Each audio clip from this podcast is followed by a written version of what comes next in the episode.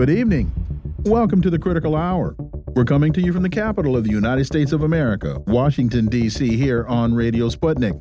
I'm your host, political scientist, author, and nationally syndicated columnist Dr. Wilmer Leon, joined here by my co host, political analyst Garland Nixon. Thank you, Wilmer.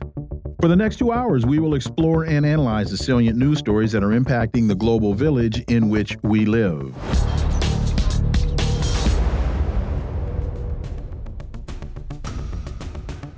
The Washington Post reports U.S. eases sanctions on Venezuelan oil after Maduro agrees to elections. The Biden administration yesterday eased oil, gas, and gold sanctions against Venezuela a day after the government of President Nicolas Maduro and the U.S. backed opposition agreed to terms for a competitive presidential election year. For insight into this, and first, is this true? And second, is this similar to the U.S. releasing frozen Iranian funds, only to now say that the U.S. still controls how the money can be spent? Let's turn to our first guest. He's a political analyst and editor at Venezuelanalysis, Ricardo Vaz. Ricardo, as always, welcome. Hi, Wilmer. Hi, Garland. Thanks as always for having me. Uh, so we you we all discussed this with you the day before yesterday when it was reported that President Maduro had agreed to this, and now, and, and at that time, he was very angry because that had not been the case. So, is this is this true? Yeah, I'm actually glad to be back uh, so soon because uh, you know it, it, happens to, to all of us analysts. Sometimes we, we are wrong. So on Tuesday, I, on Tuesday I said that I didn't expect any major movement on, on sanctions, and uh, I mean that was based on, on the elements ahead at the time. And and then yesterday there was this license from from the Treasury Department. So first, I would like to point out that the Washington Post headline is extremely dishonest in saying that Maduro agrees to elections. These elections were always, always going to take place. What happened in, in these talks with the opposition is that they agreed to propose a date because it's still up to the electoral authorities to to take care of that, plus some other, let's say, logistical issues uh, pertaining to the voter registry, uh, international observation missions. But but it was all it was nothing very substantial, nothing that you wouldn't expect from a normal electoral process. Now, as to easing of sanctions, I mean, we, we can discuss what's the right terminology. Well, I, would say it's a temporary uh, suspension because this is a six month license. And the US has immediately come out saying that uh, you know if we find that Maduro has not fulfilled the agreements, and this is always up to Biden to the Biden administration to decide if it's fulfilled or not, we will revoke the licenses and and, and all of that. And so it so it allows again uh, production, sales, uh, investment, exports of uh, oil, gas, and and gold, and uh, a couple of other things. But it, it's it might not be as much as it, as it looks on the surface. So first of all, we have to say that this is uh, uh, a positive. Uh, it's a victory for the Venezuelan government because if we remember that sanctions were put in place to oust the Venezuelan government, and here we are, four years later or six years later, depending on, on where, when you start counting, and uh, Washington was forced to, to I mean, regardless of how they want to spin it, to to kind of uh, walk walk it back a little bit, even if it's just for for a short time. Now we have to wonder what impact it can have. Because if you're talking about uh, oil investment or export contracts, that's not something that uh, companies plan for a six month window.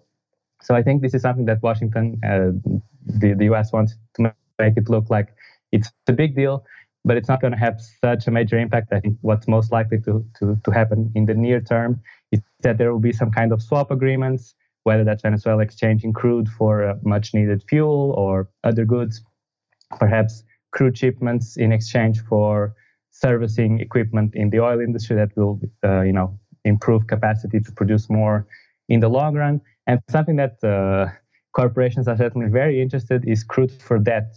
So Venezuela shipping uh, oil to alleviate existing debts, which is not as favorable for Venezuela. But either way, uh, it, it is a concession from the, the U.S. side and something that Venezuelan leaders, uh, Maduro, uh, National Assembly President Jorge Rodriguez, they, they had a broadcast last night and they said, you know, ideally, we'll be talking about licenses, the U.S. has no right to impose this measure and they should just be uh, lifted unconditionally.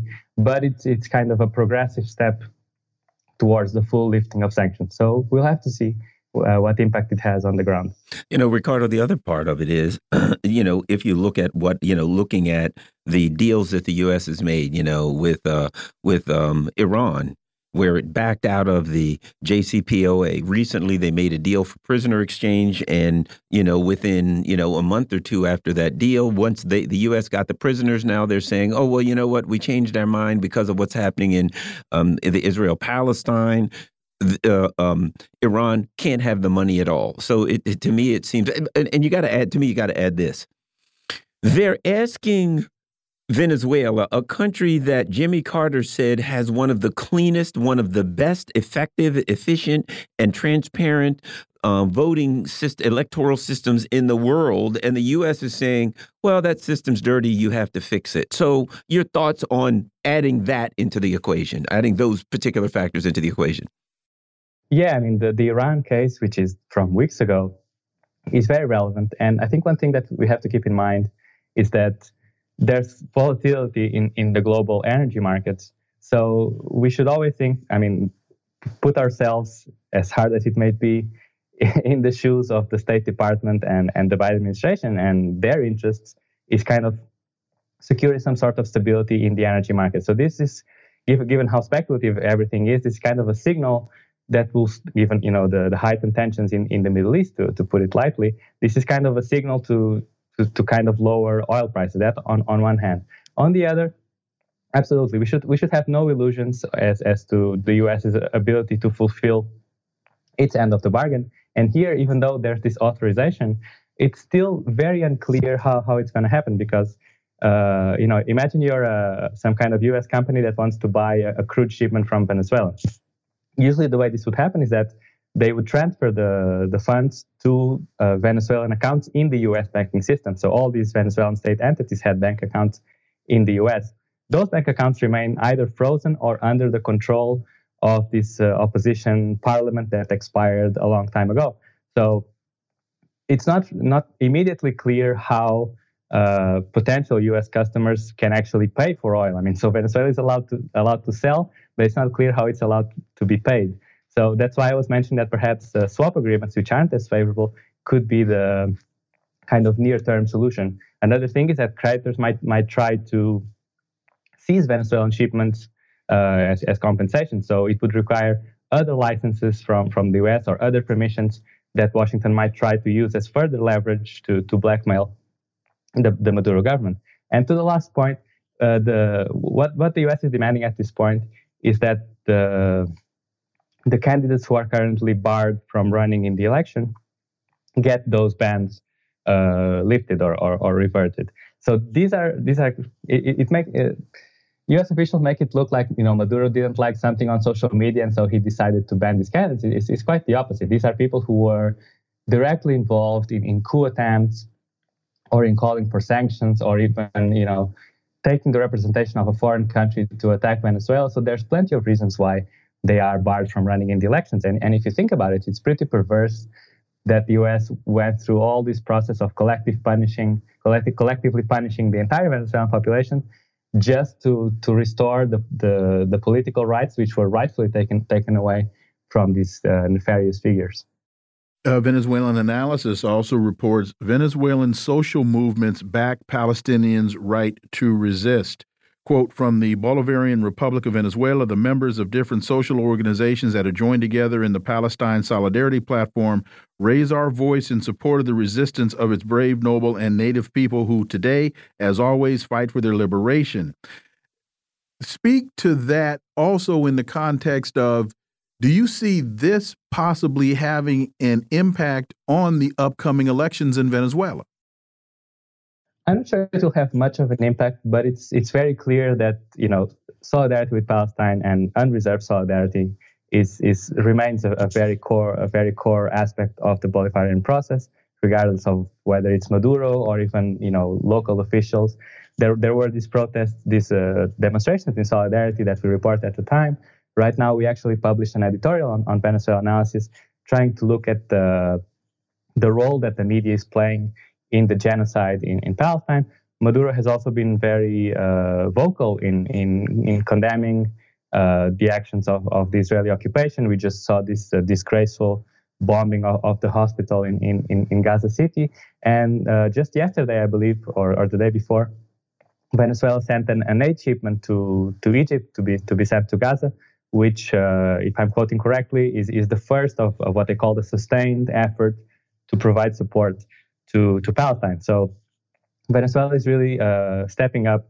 And it's not alone. I mean, there are many other countries that have been uh, very active on this in, in, in supporting Palestine, not not falling in, into this uh, lazy trap or dishonest trap of, of trying to, to find two sides to the issue uh, or, or finding this uh, absurd need to also condemn Palestinian resistance.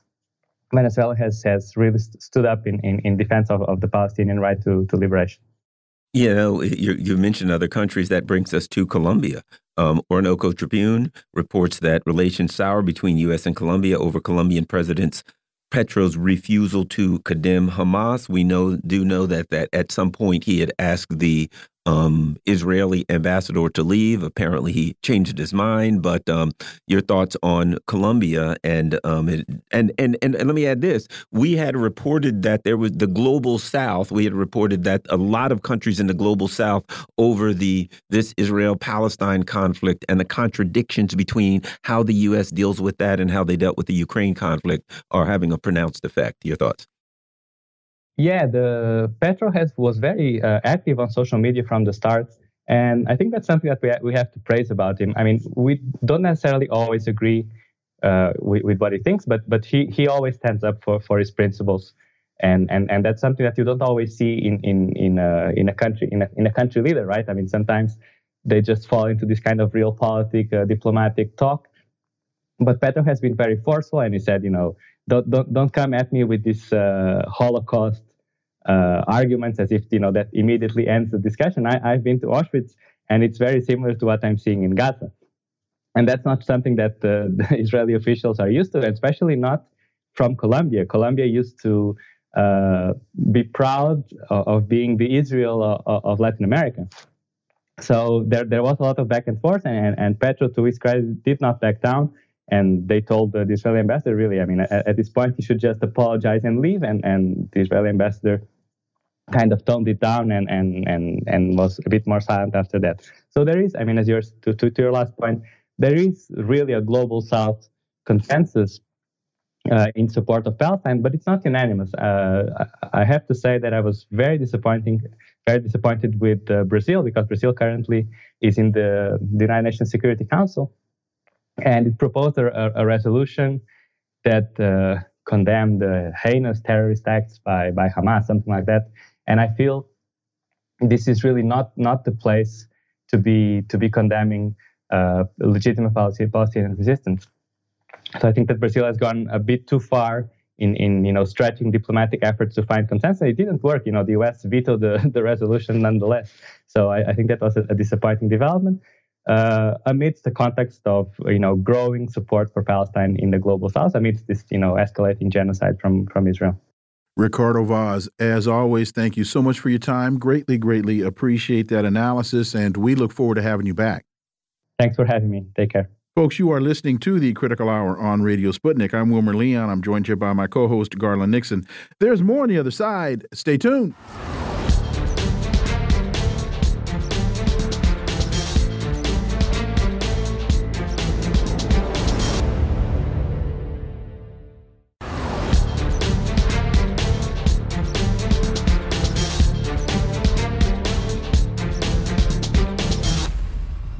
We are back, and you're listening to the Critical Hour on Radio Sputnik. I'm Wilmer Leon, joined here by my co host, Garland Nixon. Thank you, Wilmer. Sputnik International reports Africa is realizing its potential capacity, according to the Ethiopian Prime Minister Abiy Ahmed. For insight into this, let's turn to our next guest. He's a historian and educator with 40 years of background in Africa, living and reporting from Eritrea from 2006 to 2021. At one time, he was the most widely distributed distributed independent journalist in Africa, Thomas C. Mountain. Thomas, as always, welcome back. Yeah, it's good to be back again. So the prime minister is in Beijing attending the Third Belt and Road Forum for International Cooperation, a worldwide economic and political event associated with China's Belt and Road Initiative. Uh, speak to uh, Prime Minister Ahmed's comments and also the fact that these comments are being made at the Belt and Road Forum. Well, you know, it's it's kind of right now. Abiy Ahmed is is things in Ethiopia really unstable, and uh, Abiy Ahmed has been just last week. There's a big war raging in Ethiopia between the Amhara army, which we call the Fano militia, and the Ethiopian military, and it's not going well for the Ethiopian military. Just last week, uh, one of the elite Ethiopian military's elite brigades was completely destroyed by the Fano Amhara army and captured a lot of equipment. You know, on top of that, there's a lot of uh, discontent across the countryside. Uh, the enormous uh, foreign currency shortage that's uh, you know the U.S. banksters are imposing on the IMF, the World Bank on Ethiopia is crippling their economy, and on, Abiy Ahmed's been making some very inflammatory, I mean, incendiary speeches the last couple of, I mean, the last week. I mean, he called, said basically said Ethiopia, I mean, Eritrea or Somalia has got to give Ethiopia a port. I mean, everybody's like, what? Up in arms. So I mean, you know, Ethiopia is in a very unstable situation right now. I mean, I mentioned this in the past, and that uh, so it's a lot of us are watching and saying, "What is Abiy Ahmed?" You know, he's in in China, you know, holding hands with world leaders, and back home, his his government is like tottering. You know, I mean, I don't think he'll be around for the next BRICS meeting to be shaking anybody's hands because the situation in Ethiopia is getting up to a crisis point.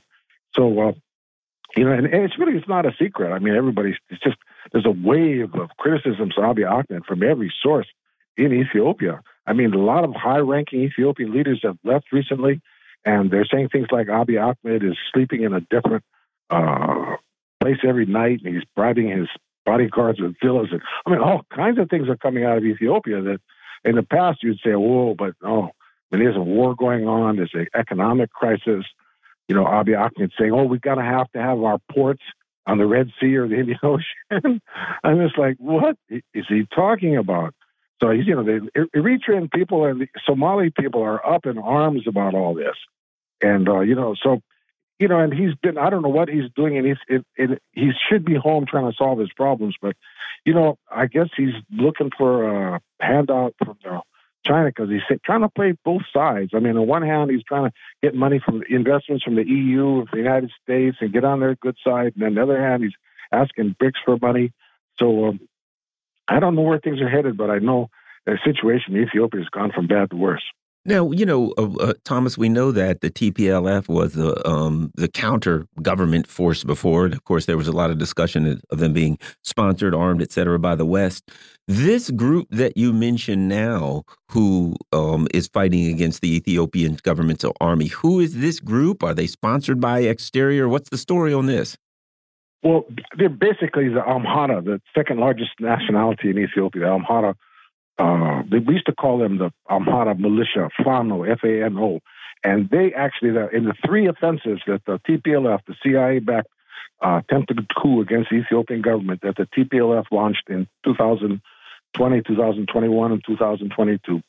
Uh, the three offensives, the first was crushed by the Eritreans. The second, the major, one of the major players in uh, fighting the TPLF was this Fano militia, because the Abiy Ahmed had withdrawn the Ethiopian army and allowed the TPLF to regroup not once but twice and attack and invade into uh, into the Amhara regions and into the Afar regions. So the Afar people had to basically arm themselves and build their militia and protect themselves against the genocidal you know, killers that are coming in and just wiping out Amhara, the Amhara, Amhara region. We're talking about 25 million people. So uh, the Amhara, these are you know these are Ethiopian patriots. They're not professional soldiers. They're fighting. They were fighting to protect the people from the incursions of the U.S. backed TPLF regime. And once TPLF pretty much got defeated, then Abiy turned on them. And there's thousands of their leaders are in prison now, including some of the heroes from the fight against uh, the TPLF. And uh, there's a lot of people have been assassinated, a lot of people disappearing. You know, and that's not just among the Amhara. There, even in the Oromos and other people, this is happening. So there's a lot of people that are just fed up with Abiy Ahmed. And this Fano is actually, you know, uh, you have to be sympathetic to them because they're some of the of people are some of the ones that suffered the worst under the hands of the TPLF. And most of the, you know, what was done to destroy the TPLF wasn't done by the Ethiopian army. It was done by the Amhara militia, the Fano, the Amhara army, with the help of the Eritreans. So, you know, it's things aren't looking good for Abiy Ahmed right now. So when you look at a map and you see that Ethiopia is bordered by Eritrea, Djibouti, and Somalia, and Ahmed is demanding that one of those three countries give him a port? Specifically mentioned the Red Sea, which is Eritrea. He says, "Oh, it'll have to be given to us peaceably," or Somalia, and, and there was like a meeting that Abiy Ahmed was at where they presented a map that shows a chunk of the Somali Indian Ocean coastline now part of Ethiopia. I mean, no, that's not going to happen. and the, I mean, all these years, Eritrea was fighting for independence, and Ethiopia was demanding that they have to have their own Red Sea port. Well, Eritrea has told them and allowed from independence to 91, they allowed Ethiopia to use their ports without charging them, basically just for maintenance costs, no taxes or nothing. And yet Ethiopia says, no, we have to have the port. Eritrea says, just use them. No, no, no, it has to be ours. And so, I mean, it's like, and Abiy, like, we thought this was all dead and buried when the TPLF went, but nope, Abiy Ahmed has resurrected this in the last week. And that's why I say it's like an incendiary speech because, I mean, that's a point where the Eritrean people and the Somali people are just up in arms about it. So, what's his leverage? Is it, usually in a situation like this, you, you you have some kind of leverage in order to support your demand. What does he have any leverage here? Well, you know, there's the Ethiopian army, but even they're fed up now because they've been getting hammered by the, um, the Amhara army and serious defeats. I mean, one of their elite units was completely wiped out last week. So Ethiopian army's not happy either. So Abiy's got doesn't have a lot of leverage right now. That's why he, you know, he's so desperate to get on the world stage and pretend like he's the world leader. He's got some credibility. When back home, he just doesn't. Everybody's fed up with him. The RT reports the armed conflict in Sudan between the military and rival paramilitary groups has killed up to 9,000 people and forced over 5.6 million others to flee their homes in the last six months. Your thoughts on that, Thomas? Well, the unanimous consensus now from reports about Sudan is that the the uh, the uh, rapid support forces under the leadership of General Hemeti are winning the war on the ground in, in Sudan. I mean, that uh, Burhan, the General Burhan, is the, the, internationally recognized leader of Sudan, is now holed up in Port Sudan, which is just a port with a small town around it. And, uh, you know, I mean, Iran just direct, re- restored diplomatic relations with uh, Burhan's government. But uh, where are they going they can't even, there's not even a place for an embassy for Iran in Port Sudan. So, I mean, Abiy Ahmed I mean, uh, excuse me, the Burhan is in a in a bad spot, increasingly bad spot, because he's losing the war on the ground. I mean, he went on a whistle stop international tour trying to drum up support, and you know the speculation was is because he's run out of money to pay his army, and the Sudanese army, the professional army, is is a it's not a patriotic based army. It's an army people join to get a two or three hundred dollar a month salary to feed their family. And if Abiy, and if oh, excuse me, if Burhan can't pay them, General Burhan can't pay them, they're just going to melt away because they got wives and kids to feed and house. So, and that's what's been happening. I mean, the, the Sudanese army is down to about half of what it originally was when this war broke out back in April. So, on top of that, the uh, rapid support forces are hammering his army. I mean, they uh, again last week they wrapped the RSF under Hemeti uh, destroyed the 9th Armored Brigade, I think it was, of the of the Sudanese army and killed the commanding general of the of this uh, Ninth Division of the Sudanese armored. And uh, this is a, one of the most respected generals in the Sudanese army. Was killed. Was and his whole division was wiped out by the rapid support forces. So, uh, you know, it's Ken. It's not looking so good for General Burhan. He's been, you know, paraded out in the international community as being the legitimate leader of Sudan, but on the ground, he can't even go back to his capital, and uh, he's holed out on the coast. You know, where basically the the West is uh, the international community has got the aid convoys, and he's even been accused of blocking aid to the hospitals in Khartoum because our, the rapid support forces under Hemeti control the city. There's another interesting story. RT reports Macron holds talks with France's last Sahel ally. The Chadian and French presidents have pledged to strengthen bilateral ties. Uh, this is it. How this seems like it could just wind up being incredibly uh, futile. Thomas. Well, you know, Chad is like one of the last holdouts for French uh, Pax Française, I call it, for you know the uh, Emperor Emmanuel I, Macron of France, is uh, you know trying to desperately trying to hang on to the French Empire in Africa, and he's basically you know losing it. And and I think Chad is, I mean, Chad is pretty shaky in itself. I mean, their the economy's bad. They're getting hammered by drought.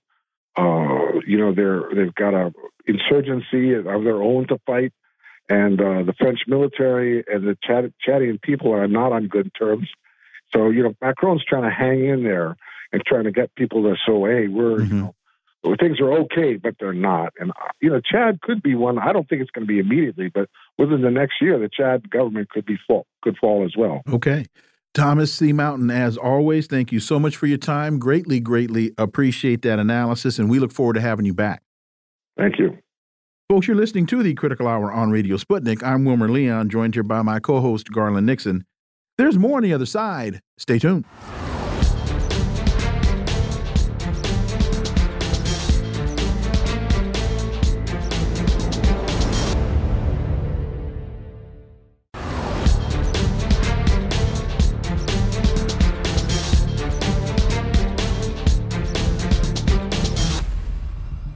We are back, and you're listening to the Critical Hour on Radio Sputnik. I'm Wilmer Leon, joined here by my co host, Garland Nixon. Thank you, Wilmer. Jim Jordan won't hold a third speaker vote today, sources have told CNN as he struggles to flip GOP holdouts. The Ohio Republican failed yesterday to win the gavel for a second time. For insight into this, we turn to our next guest. She's a political commentator and podcast host, Misty Winston. As always, Misty, welcome back. Hey, fellas, thanks for having me. So it's important to realize that uh, yesterday Jordan fared worse in the second round, with 20, 22 Republicans voting against him compared with 20 who did not support him on the first ballot. You know, uh, Misty on the corner, they call that hustling backwards. your thoughts, your thoughts, Misty Winston. well, first of all, let me apologize for my voice. I have been sick all week, and so my voice is very much in and out, and I, I sound a little bit like Mickey Mouse. Um, so I apologize for that. Miss, uh, Misty um, Mouse, go Misty ahead, Misty Mouse. Mouse. Well, we're live. That's okay. So we're we're we're, we're looking for exciting things How about that, Misty? Okay. Well, I don't know if my voice is exciting, but it's at least amusing. Um, so yeah, the Jim Jordan thing has been really he's having a bad week, right? I think that the Republican Party is having a bad week in general.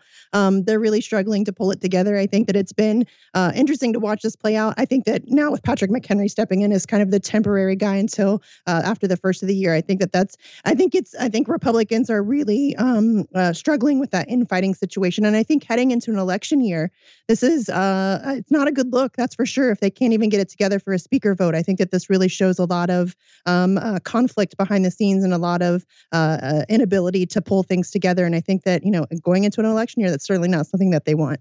Let me ask you this, Misty. Well, here's what's interesting about it. I'm conflicted with this, right? Uh, you know, being an independent, not for either party, but I look at the Democrats and I see, you know, if Joe Biden says we're going to blow up the moon, everybody in the Democratic Party would be like, yes, blowing up the moon's the way we want to go, right? Doesn't matter what he says. We're going to jump off a cliff. All right, we're right behind you, Joe. You've got this unanimity of vision albeit a bad vision, often in the Democratic Party. Meanwhile, in the Republican Party, and this is uh, weird, there is at least some healthy debate. Now, don't get me wrong, they can't figure out how to get anything done, but there is at least some people saying, well, I'm against this, or I'm, there's at least somebody pushing back against something. I wish the Democratic Party had somebody that would push back and stir things up again. Your thoughts on that dynamic? I don't even know what to make of it, Misty. Well, they were the Democrats were supposed to have people like that, right? That's what the squad was supposed to do. They were the whole point of the squad. I think a lot of people forget this. Uh, the whole point of the squad was that they were going to go in and challenge the Democratic Party establishment. Mm-hmm. Now they have not done that on any level, on any any issue really. Um, and on everything of substance, they go along with the party line, including voting for the Iron Dome. AOC went along with that on several other issues, uh, including funding for Ukraine. Um, so I think that they were that was the whole point. That's what they sold to the voting public. That's what they sold to Democratic Party voters and to the Bernie Sanders wing of that party. Uh, they certainly don't do that though, and that's I, I agree with you. I'm I don't care about either party, but I do think it is certainly much more interesting, and I think it also shows that the force the vote strategy that was introduced uh, surrounding Medicare for all and the Nancy Pelosi House uh, House vote or the Speaker vote. I think that shows that that strategy obviously works, and I think that Matt Gaetz has been able to get many concessions. I think he's um, not happy today. I think he very much wanted to see the House or the Republicans come together and put together a Speaker. Um, they haven't done that, but I do think it shows that that strategy is definitely uh, an effective one. And I did, I, I, for sure, what you just said is the truth that they uh, Republicans definitely have um, a little bit more of um, an allowance for opposition inside their party, and the Democrats are just full speed ahead tribalist thinkers. Uh, even those who claim to be on the outside or progressive or whatever, they still very much go along with the party line. Garland and I, we said on Monday that we knew Jordan wasn't going to get elected on the first ballot. We said this may go five or six ballots because the Matt Gaetzes of the world were going to extract every ounce, not even a pound, every ounce of flesh that they could extract from Jim Jordan before they all decide to start singing Kumbaya and, and elect Jim Jordan. With that being said, do you have any insight into what's really at the crux of the conflict within the Republican conference? I think a lot of it has to do with um, funding for Ukraine. I think that Matt Gaetz and others are very opposed to uh, the funding for Ukraine. Um, so I think that that's a lot to do with it. I also think that within any group of people, I think that there are going to be different struggles for power. There's going to be different cliques and things like that. And so I think that we're probably seeing a little bit of that, the, the little bit of the fracturing of people trying to jockey for power. Um, and I just think it's much more pronounced in the Republican Party. And again, they allow for a little bit more opposition and allow for a little bit more debate. Um, so I think that that's uh, probably what we're seeing here. And I just think it's, for me, it's fun. As Garland said, he's an independent. I, I don't care. I just, I, I, don't really care about electoral politics in general. I just, it's kind of amusing to me.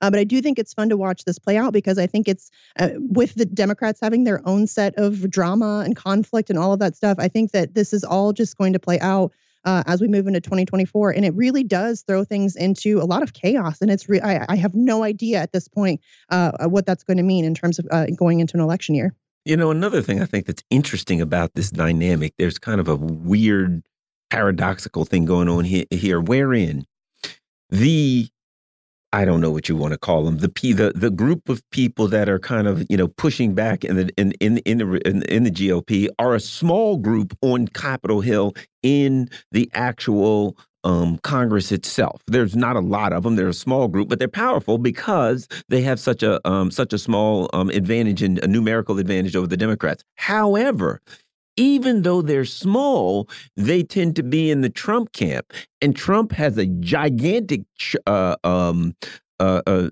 you know a percentage of the of the GOP's electoral vote. I've seen his numbers as high as 85 percent approval rating. So all the Republicans kind of like Trump. Most of the Republicans kind of like Trump. So it's weird in that you've got a small group actual physically in Congress, numerically in Congress, but outside of Congress, they have a huge, you know, guy in Trump, a huge person in pers persona in Trump, which means they got a lot of people on the ground that vote. Your thoughts? No, that's definitely an interesting dynamic because I think it's not really helping them necessarily. And like Jim Jordan is, Trump has publicly supported him. Uh, he has very openly supported him. I think uh, that, but it, it's it's obviously not helping him in Congress. But like you said, how does that play out in terms of the voting base? Because we do know that Trump has a monumental support base. And let's be very clear, they're incredibly loyal uh, and they're not going anywhere. So, I mean, uh, they will stick by Trump. They will stick by anybody that Trump speaks for. Um, so I think that that's definitely an interesting dynamic to see that kind of push and pull from the party insiders with the voting bloc. And I'm I'm always curious how that will play out because we've seen that happening with the Democrats for years now. That the Democratic Party establishment very clearly does not represent their base. Um, and I think that we've seen that kind of push and pull playing out, and uh, it's you know to to varying degrees of uh, uh, of uh, consequence. But I think that it's going to be uh, as we uh, you know head uh, all of this. I think as we're heading into an election year, all of this kind of push and pull and all of these interesting dynamics, uh, you know, from inside and outside the party, the voting bases, the Trump situation with you know, and, and frankly, I mean, the past couple, Trump has not been very successful really with people that he has endorsed, which I think is strange uh, I'm just it's it, it, there's this weird dichotomy where it's he does have this very big base, but it seems as if it's not always playing out in his favor uh, in terms of votes and in terms of obviously here with the speaker vote. Uh, Pete Aguilar, a Democrat from California, has called on the House to find a bipartisan way forward. He's uh, asking those on both sides of the aisle to vote for Hakeem Jeffries. He says only Hakeem Jeffries can be trusted to keep his word. Only Hakeem Jeffries can lead us out of the chaos and toward both the path. See, you're, you're laughing already. Uh, Me too. I'm laughing. So, so, I don't even need to finish reading that because uh, uh, I'll turn it to you so I can start laughing. Uh, Miss, Misty Winston, because I don't trust Hakeem Jeffries as far as I can throw him. Nor should you. That's ridiculous. Uh, the idea that Hakeem Jeffries is some like bipartisan, uh, you know, good guy who's gonna, you know, no, that's absurd. He is a Nancy Pelosi acolyte. He is um, a hard, a hardcore party liner. I don't think there's nobody should should uh, uh, uh, trust Hakeem Jeffries. So I think it's ridiculous and absurd. Obviously, the Democrats have to make that play. Um, I think that obviously that makes sense for them, given that the, the, Republican Party is having such a difficult time. I think they have to put that forward. Um, I think obviously that just helps to highlight uh, the uh, ridiculous dysfunction that's happening right now in the GOP. And I think that that works in the Democratic Party favor.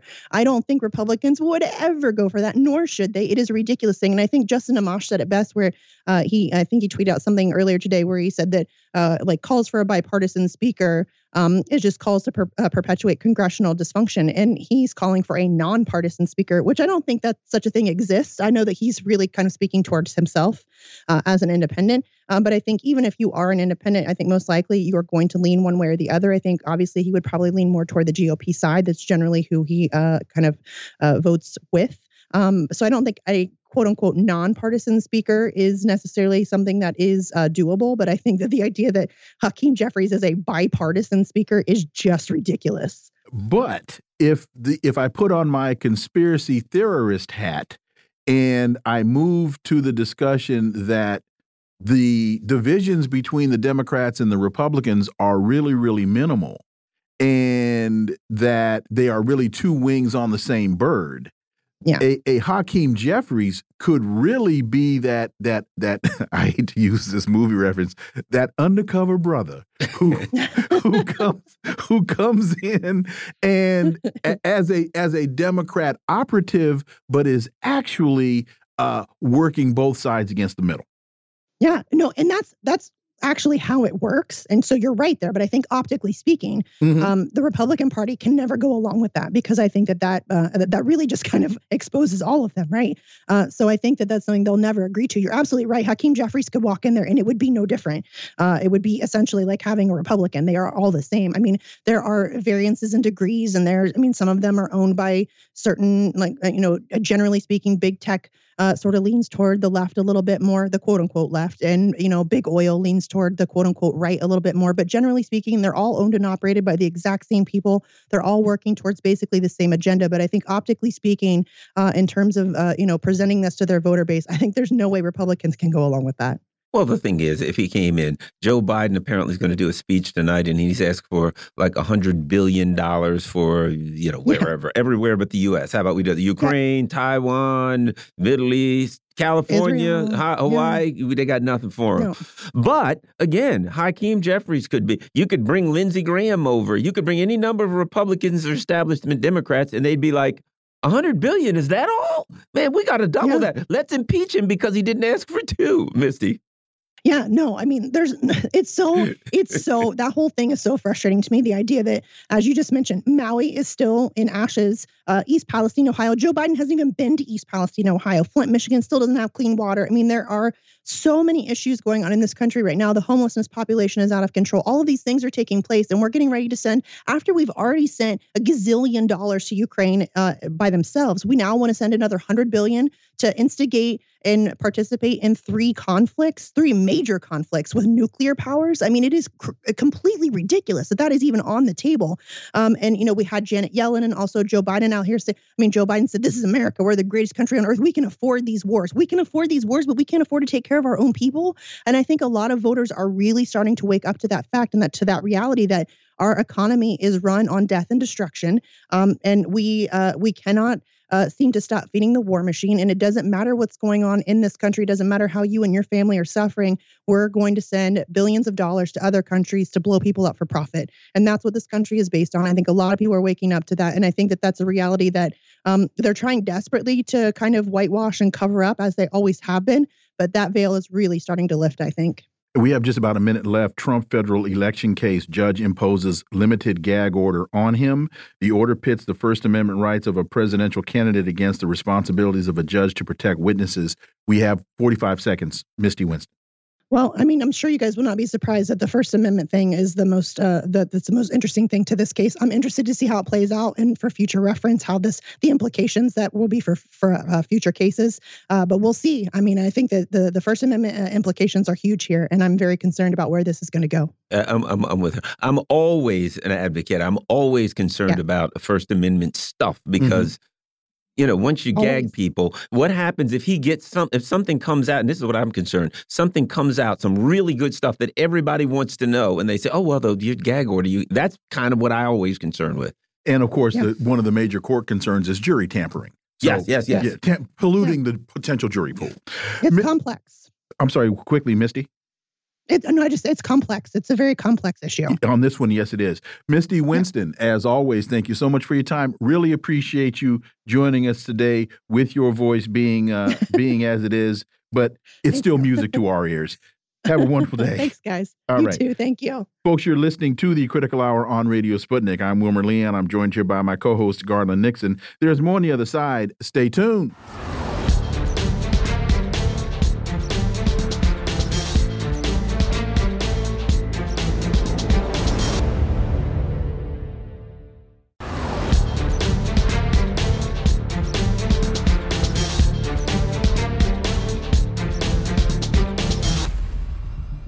We are back, and you are listening to the Critical Hour on Radio Sputnik. I'm Wilmer Leon. I'm joined here by my co host, Garland Nixon. Thank you, Wilmer. RT reports West has lost Global South over Israel hypocrisy. Standing up for Ukraine but not Palestine makes the U.S. and its allies look duplicitous, officials have told Financial Times. For insight into this, let's turn to our next guest. He's a U.S. labor and human rights lawyer, writer, and activist. He's been a peace activist throughout his life and has been deeply involved in the movement for peace and social justice in Colombia, Venezuela, Nicaragua, and other countries in the global south. He's taught international human rights at the University of Pittsburgh School of Law since 2012. Professor Dan Kovalik, as always, Dan, welcome back. Thanks for having me. So, uh, the, the, Financial Times reports attempts by the U.S. and its allies to paint Moscow as a global pariah have been poisoned by their rush to support Israeli retaliation against Hamas in Gaza. The Financial Times reported yesterday, citing more than a dozen officials. And it's interesting, Dan, the Financial Times slant on this. They're saying that attempts by the U.S. and its allies to paint Moscow as a global pariah have been poisoned. Well, what about the fact that Moscow is not a global pariah? oh, excuse me for citing the truth, uh, Dan Kovalik. Well, that's true to begin with, as you say. I mean, uh, the majority, you know, countries representing a majority of the world's people have been backing Russia ever, since the special military operations began last year. But even putting that aside, I mean, the, I think the point is well taken that the U.S. claims to be so offended that Russia, uh, in their words, you know, invaded Ukraine, and they, of course, the U.S. claims it was unprovoked, uh, which it wasn't unprovoked. But even assuming it were, uh, you know, now the U.S. is is backing Israel to the hilt in an assault on Gaza, which is much worse in terms of its effect, intended effect on civilians than Russia's intervention in Ukraine, uh, especially in light of the bombing of the hospital that killed at least 500 people in an instant. Uh, there's no type of incident like that that we know of in Ukraine, in Russia's uh, intervention in Ukraine. And the number of children killed. Uh, Israel's killed over a thousand children in Gaza since in the last, what, 10 days or so. again, that's on a scale that has not happened in Ukraine. So yeah, yeah, the U.S. looks like a huge hypocrite, and that's obvious to the world.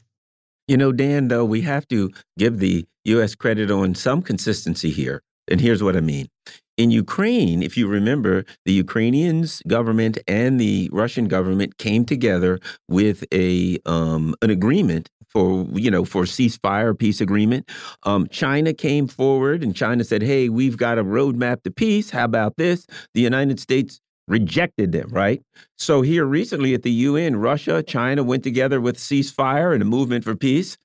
The U.S. rejected it. So one thing the U.S. has been consistent about: anytime somebody comes together with a plan for peace, you know they're going to re reject it. No hypocrisy there, sadly, Dan Kovalik. That is consistent. yeah, about Dan that. Kovalik. I found well, one. And the U.S. has been incredibly consistent with that over the years. I mean, just think, you know, what comes to mind is the U.S. killed the Geneva eh, the Geneva agreements, peace accord, in nine, you know, uh, that had been reached in 1954 to end the war between Vietnam and uh, uh, France. Uh, it turned out Henry Kissinger killed the peace deal that Johnson helped negotiate between the U.S. and Vietnam in 1968 to end the war. The U.S. twice killed peace deals in the former Yugoslavia to pave the way for the NATO bombing of Serbia in for 78 days in 1999. Um, the U.S. does this time and time again. It kills peace in order to keep the wheels of war moving. Staying with this RT piece, quote, we have definitely lost the battle in the global south, one senior G7 diplomat was quoted as saying. All the work we've done with the global south over Ukraine has been lost. Forget about rules, forget about world order. They won't ever listen to us again. Well, what about the U.S. involvement in, in Peru, in Brazil, in Colombia, in Venezuela? I mean, I can, there are a whole list of countries where the United States and its uh, neoliberal uh, cohorts, Chile, have gone in and undermined the uh, sovereignty of these nations for years. So I don't know who this G7 diplomat was, but I don't think that they have a very long grasp or uh, what did Dr. King say? The the moral arc of history is long and it bends towards justice. I don't think that this G7 diplomat has any sense of the long moral arc of history, uh, Dan Kovalik. Yeah, I mean, it's a point well taken. Again, the U.S has not, you know, the U.S. helped draft and helped sign on to the UN Charter, uh, which was obviously supposed to create an international law system to maintain international peace and security. But the ink on that wasn't dry before the U.S. was undermining that in in in the war in Korea with, that it started. Um, so yeah, the world isn't surprised at the U.S.'s flouting of international law and hypocrisy about following international law. Though I do think, you know, the U.S. at least believed it had some moral high ground when Russia intervened in Ukraine. It allowed the U.S. to to at least say, "Oh, you know, that was wrong, and we're not going to do that." And then, of course, they turn around and they support Israel in doing something much worse. So I do think it is a stark example to the world of the US's hypocrisy and certainly an occasion for countries who always thought the US was hypocritical to take take the time to to jump on the US and say look we can't follow you you know and and I mean I think also look at what happened at the Security Council where um you had a resolution that Russia put forward uh, for a ceasefire in Gaza, and the U.S. was the only country to veto that. Just really quickly, there are talking about uh, Russia being a pariah. There, this and this is a G7 official speaking. Well, there are seven G7 countries. Duh. There were 40 countries that wanted to join BRICS at the last meeting in, in, in South Africa. So when we talk about pariah, and we look at when we look at the population of the countries in BRICS, if if if Russia is a pariah, that's not a bad place to be, Dan Kovalik. Well, no, and that's absolutely right. I mean, the U.S. will soon stand alone in the world uh, because even now Western Europe is turning on the U.S. because they see not only the U.S.'s hypocrisy, but they now understand what a lot of us have known for a while, and that is that the U.S.'s proxy war in Ukraine against Russia has been as much about undermining Europe as it is undermining Russia. The U.S. cut Europe off from its gas supply that Russia has been giving Europe for decades, even when it was the Soviet Union. And those economies are now suffering, and uh, governments are now coming to power in Europe that will not back the U.S. in this proxy war anymore. So I think the U.S. will find itself to be the pariah country in the world.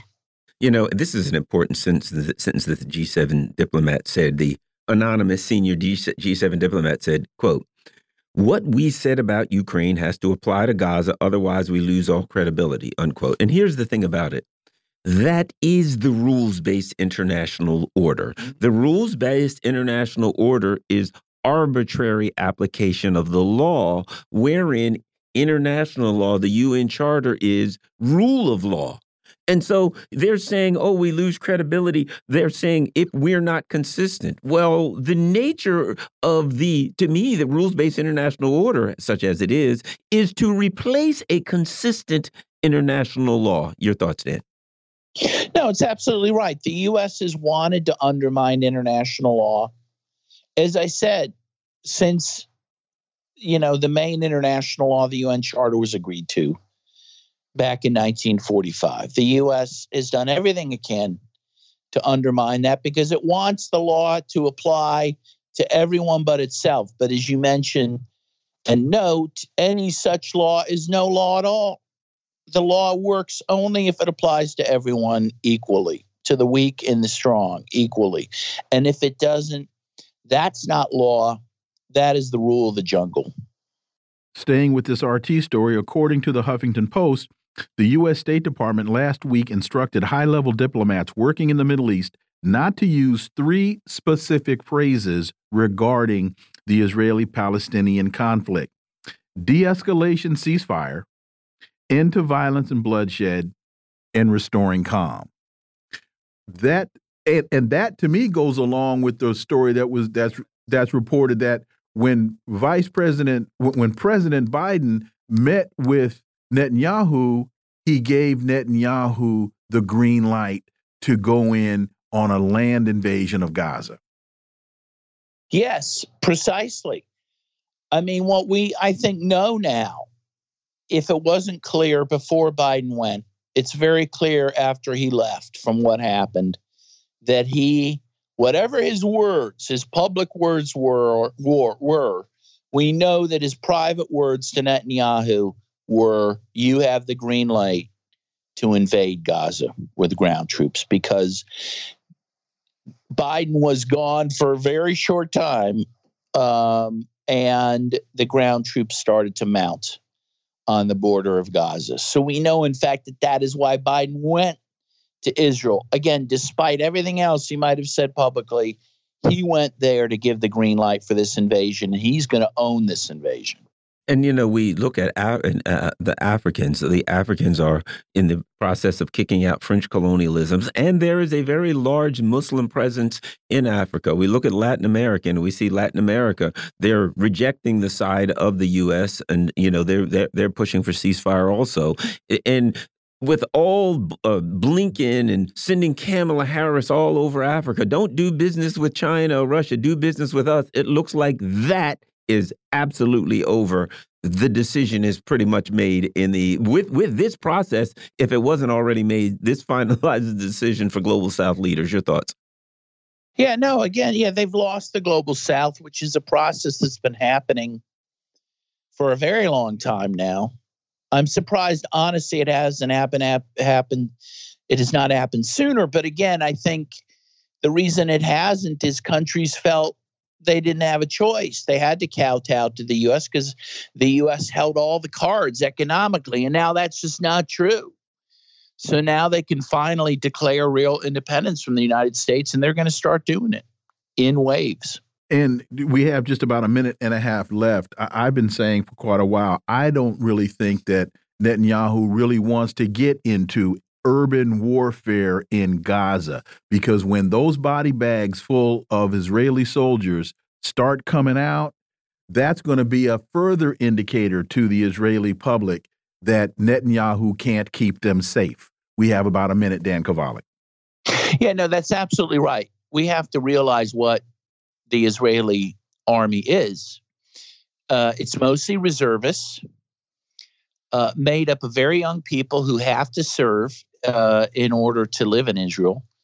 And these are people who, the truth is, if they have any experience at all, their only experience is bullying civilians. I'm sorry to say. Right. We got 30 beating seconds. up on children and civilians. They are not battle hardened soldiers who can take on uh, very battle hardened militants in Gaza. And Israel will be damaged greatly by this. As we say here, they don't want none of that smoke. Professor Dan Kovalik, as always, thank you so much for your time. Greatly, greatly appreciate it. Thank you. Folks, you're listening to the Critical Hour on Radio Sputnik. I'm Wilmer Leon. I'm joined here by my co host, Garland Nixon. There's another hour on the other side. Stay tuned.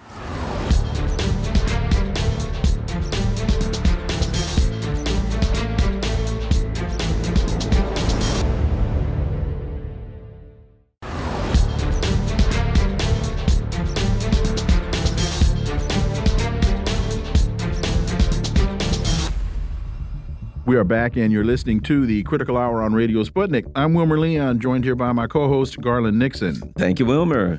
Naked Capitalism reports 30 year Treasury yield spikes past 5%, 30 year mortgage rates hit 8%, mortgage applications plunge. For insight into this, we turn to our next guest. He holds a PhD in political economy, taught economics at St. Mary's College in California. He's the author of a number of books, including The Scourge of Neoliberalism U.S. Economic Policy from Reagan to Trump. And he was a labor negotiator for a number of years. Dr. Jack Rasmus. As always, Jack, welcome back. Glad to join you. Before we get to this story about the Fed, let me ask you to put your former labor negotiator hat on and what's going on with the auto worker strike? Well, they're inching towards a settlement, I believe. Uh, you got to look at what happened with uh, Ford in Canada. Uh, small number there, one plant, but uh, they settled in Canada, and uh, the package is reportedly 25% uh, uh, wage wage and benefit increase, and and that's the base I think that the, the U.S. UAW is negotiating on. Uh, Ford raised its uh, offer from 20 to 23 percent uh, in a five-year package. Uh, the Canadian, I think, it was a three-year package, uh, and you know it's getting closer to that. what I think, and I've been saying publicly, is probably a settlement around 28 percent. they have to come up with more money here they meaning the corporations have to come up with more money uh, you know more than their 23% offer uh, to get a settlement with with uh, the UAW they got to uh, agree to reinstate the cost of living adjustment clause which they did in Canada which I predict they will do here but probably backload it to late later years. Uh, in addition to that uh, they have to agree the corporations uh, to allow uh, the new electric vehicle plants um, in the union, covered by the union. I, I think they'll do that. Um, and uh, they have to make some some token uh, improvement in this in the two tier wage structure here. All the other major unions that have negotiated Teamsters have uh, uh, sort of rolled that back a little bit, not eliminated it, but improved it. Um, you know, the, the auto workers, they start at $18 an hour. Can you imagine that? In California, you can flip burgers now for 20 you know, uh, I mean, uh, they've allowed that wage uh, structure to atrophy uh, through years and decades of uh, union misleadership here. Uh, and they'll also have to do something, some token improvement for retirees' pensions. Th- th- those are the elements I think will will get a settlement. Uh, and I see um, the auto companies uh, doing so, you know, within a month. I don't think the strike will go further than a month. but the UAW has to put more pressure on them. You know, I mean, they're going so slow with closing the high profitable plants. Um, that uh, you know they could have done this. They could have struck the high profitable plants in, in the get go. Instead, they they walked out at the, the least profitable plants, uh, uh, somehow uh, assuming that um, you know going going light on the companies in the beginning would get them to uh, agree. Um, I, am not an advocate of that stand up uh, strategy here. Based on my experience, if you're going to strike, strike hard uh, and and don't pussyfoot around. Um, but I don't know. We'll see whether that gets the UAW what they want. But I, I see a, a, total settlement around 28% in a five-year agreement with COLA and some token changes in those other areas. Well, when they with their new raise, they're going to need it to buy a house. Um, USA Today is reporting a tough housing market for home buyers got tougher as the mortgage rates rose to their highest level since 2000, averaging there as high as eight percent, averaging seven and a half percent for a 30-year conventional loan. We're also hearing that the number of you know mortgage applications is cratering. Um, it sounds like the Fed may get the uh, recession that that that they hoped for to uh, bring down inflation. Dr. Jack. Yeah, well, you know, we're already in a recession manufacturing. Been contracted for 10 consecutive months. Uh, the goods sector, as we call it, uh, you know, manufactured discrete things, and uh, construction is part of that. And uh, construction, um, uh, both residential and commercial, had declined, you know, significantly 18 months ago, and but sort of leveled off. But now it's going to go down, ratchet down another level I think, uh, because the interest rates, uh, mortgage rates are going to continue to go up uh, because uh, long term bonds, treasury bonds, are continuing to go up. Uh, no doubt about that. Um, and, you know, mortgage rates follow uh, the 30 year treasury, 10 year and 30 year treasury, and that's going up. Why are they going up? Why are treasury bonds, you know, on a tear? Well, because the Fed has to somehow finance almost $2 trillion in deficit this year. So it's flooding the market, selling these treasuries to raise money. And, and when you, you flood the market uh, with a supply of treasuries, well, like any other supply uh, uh, analysis, the, the more supply, the, the, the more the price goes down. And that's what's happening with bonds. The prices are cratering for bonds. And because you have an inverse relationship between uh, interest rates and prices in bonds, uh, interest rates are going up. Um, in addition to that, the Fed is uh, also dumping bonds, 30 year bonds, onto the market uh, as a result of its uh, trying to sell off its uh, 8, $8 trillion quantitative tightening um, balance sheet, you know, built up from previous bailouts. So that's dumping bond supply on the market. And then you got the factor uh, on the demand side that's driving bond prices down, and that is countries like uh, China and even Japan are not buying as many treasuries. And why is that? Well, because of uh, U.S. geopolitical policy. Uh, uh, China knows that uh, you know the U.S. is going after it. So why should it allow? Why should it hold treasuries and have them frozen? uh, you know, they look at the sanctions against Russia, and the U.S. stole $300 billion from Russia. Uh, they don't want to get caught holding U.S. securities. Uh, and a lot of other countries in the South see the same thing. You know, the sanctions have have really exacerbated U.S. Uh, economic problems, not just European problems, but U.S. economic problems as well. So, you know, the, the neocons running U.S. foreign policy uh, have convinced uh, putty in their hands uh, Biden um, to shoot themselves in their empire foot. That's exactly what's going on. Uh, so, both coming back to the bond situation, both uh, supply and demand forces are continuing to drive down bond prices, will continue, which means rates, bond interest rates, yield rates will continue to go up, and so will mortgage rates. And so, what does that do on the stock side of the equation, and what impact does that have on retirement plans for those that are looking to retire say within the next 12 to 16 months? Yeah, well, you know, for retirees, if they're investing in bonds, uh, you know, presuming they are able to invest, they have some uh, some cash to invest. Uh, you know, it, it's pretty good for retirees if they're going to invest in bonds if they can, if they got cash hanging around. But you know, 50% of the households live paycheck to paycheck. So, you know, the working class isn't going to benefit from that.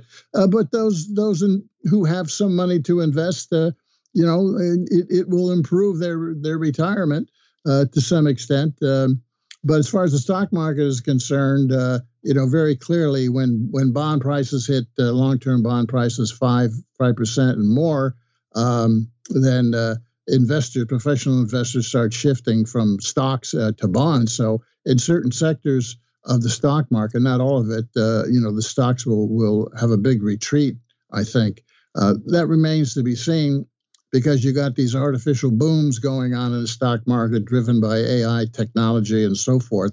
So. Uh, it's kind of a mixed bag as far as the stock market. Uh, but but what people aren't really talking enough about is that when these rates uh, hit 6% and more, I'm talking about treasury bond yields, when they hit 6% or more, what's going to be the impact on, on uh, the regional banks, you know, which we saw in crisis six months ago? Uh, they have a big interest rate risk. The Fed has been sort of bailing them out, uh, hundreds of billions of dollars um, in, in that case, uh, uh, offsetting their losses of deposits. you're going to see more regional bank instability occurring. And as I've been saying, you're going to see commercial real estate, uh, which is a lot of it is zombies, uh, especially the office building and the malls. Uh, uh the, the, they're going to be in big trouble. They're already junk bond uh, heavy. Uh, and next year, in 2024, you have a lot of homeowners who in 2019 um, took out five year ARMs you know, mm. uh, ARM uh, mortgage mm-hmm. rates. Adjustable uh, now, those mortgages. are going to reset next year. And if they reset at 8, 9, 10%, uh, you got million, I don't know how many, but quite a few number of people uh, who have those five year ARMs that are going to reset. And their mortgage payment monthly is going to go up by hundreds and hundreds of dollars. Uh, you're going to have a residential mortgage crisis next year if these rates keep going up, piled on top of a a, a, a commercial real estate mortgage and a regional banking problem uh, re reemerging. And then you got a whole number of junk bond zombie companies who are going to have to reset and refi and can't do it and will go bankrupt. Uh, so, you know, there's a real contradiction in Fed monetary policy. They're trying to raise rates uh, to uh, really bring down inflation. It's not uh, very successful as far as services Services prices have been stuck at around 6% for four or five months now. Uh, the Fed has to raise rates even more, but if it does, it risks financial instability uh, and uh, the real um, real economy taking a dive here, uh, particularly in, in construction. So we see contradictions and limits of monetary policy, and it's the Fed's between a rock and a hard place right now. It doesn't want to go higher rates, but it has to go and will go. Uh, and you know, 2024 can be very unstable economically, of course, as well as politically. You know, the other thing is uh, there's a lot of discussion about, you know, if we have market problems, which seem to be on the horizon, um, what happens to 401ks? But, you know, I know people that I've talked to about their 401k, and here's what I find, and you tell me what you think. It was initially meant to be a um, retirement uh, um, option, right? But when you talk to a lot of people during the lockdowns, they used it to live. You know, people who only made, you know, maybe they did sales, they only made money if they sold something and commission, et cetera, like that. They had small businesses. So what 401k to me seems like it has transitioned to is just like an emergency account, so that when people, as they inevitably do in this capitalist society, run into their own personal, you know, financial dilemma, that they use that to bail out. And not many people have a 401k left that they haven't used to save their house house during hard times, Dr. Jack. We got about a minute yeah, and well, a half, you got to understand what 401ks are. 401k uh, comes from the uh, tax code. Uh, 401k is profit sharing. It's a profit sharing kind of adaptation that was introduced under Reagan in order to destroy true pension plans, defined benefit pension plans, to replace them so companies could dump their union true pension plans. True pension plans guarantee you uh, a certain amount of retirement money uh, monthly per year of service, right?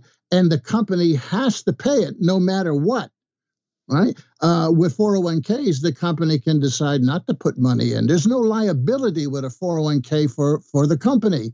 And that's why Reagan and the capitalists pushed 401ks. And you can see the numbers uh, of corporations and, uh, you know, substituting 401k plans and getting rid of the defined benefit true pension plans. So it's a device to eliminate true pension liability for corporations and the corporations just dump, throw their true pension plans onto this government agency called the Pension Benefit Guarantee Corporation, which then pays out about half of what the true pension would have paid.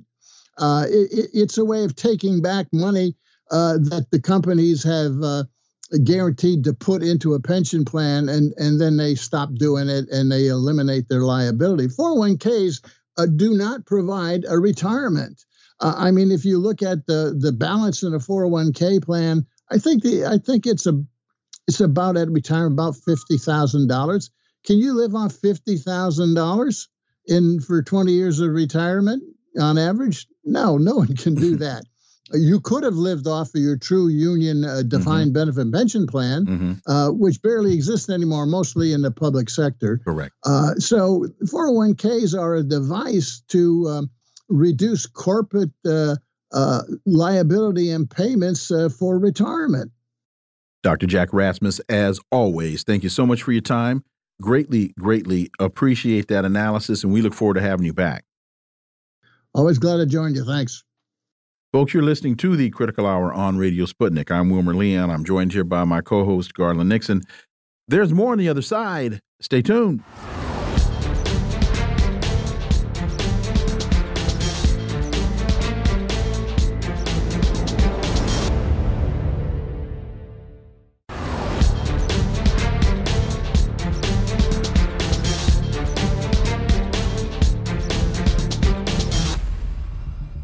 We are back, and you are listening to the Critical Hour on Radio Sputnik. I'm Wilmer Leon, joined here by my co host, Garland Nixon. Thank you, Wilmer. The plan to keep Belt and Road growing and reviving.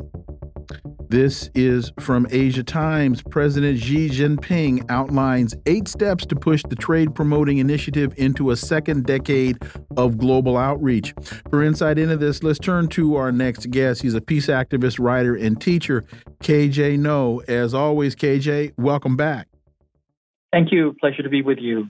So, China has vowed to push forward its Belt and Road Initiative through eight major steps, including the opening up of its manufacturing sector and the launch of more high quality overseas investment projects and research laboratories. China will provide more financing support for BRI projects on the basis of market and business operations. Chinese President Xi said in a speech at the third Belt and Road Forum for International Cooperation in Beijing. He said this yesterday. You know, in in reading this and in going through the eight steps, what I see here is real evidence of the. I'm trying to remember the phrase that uh, the Chinese economy is is is communism with with uh, socialism with Chinese characteristics. That's it. Socialism with Chinese characteristics, and this really seems to be uh, proof that managing your economy can work. KJ, Noh. Yes, absolutely correct. I mean, it shows that the Chinese system does work. And not only does it work, but it can be uh, replicated or, or uh, in larger or greater extent around the world. That is to say, you know, you take China's planned socialist market economy, you add to that high tech chips, logistics, and then what you have, uh, and, and then you have a very complex, uh, you know, process of uh, whole process democracy. And what you end up with an, is an extraordinarily effective way of developing a country that breaks out of this notion that something, you know, that all development has to be Western and has to be neoliberal.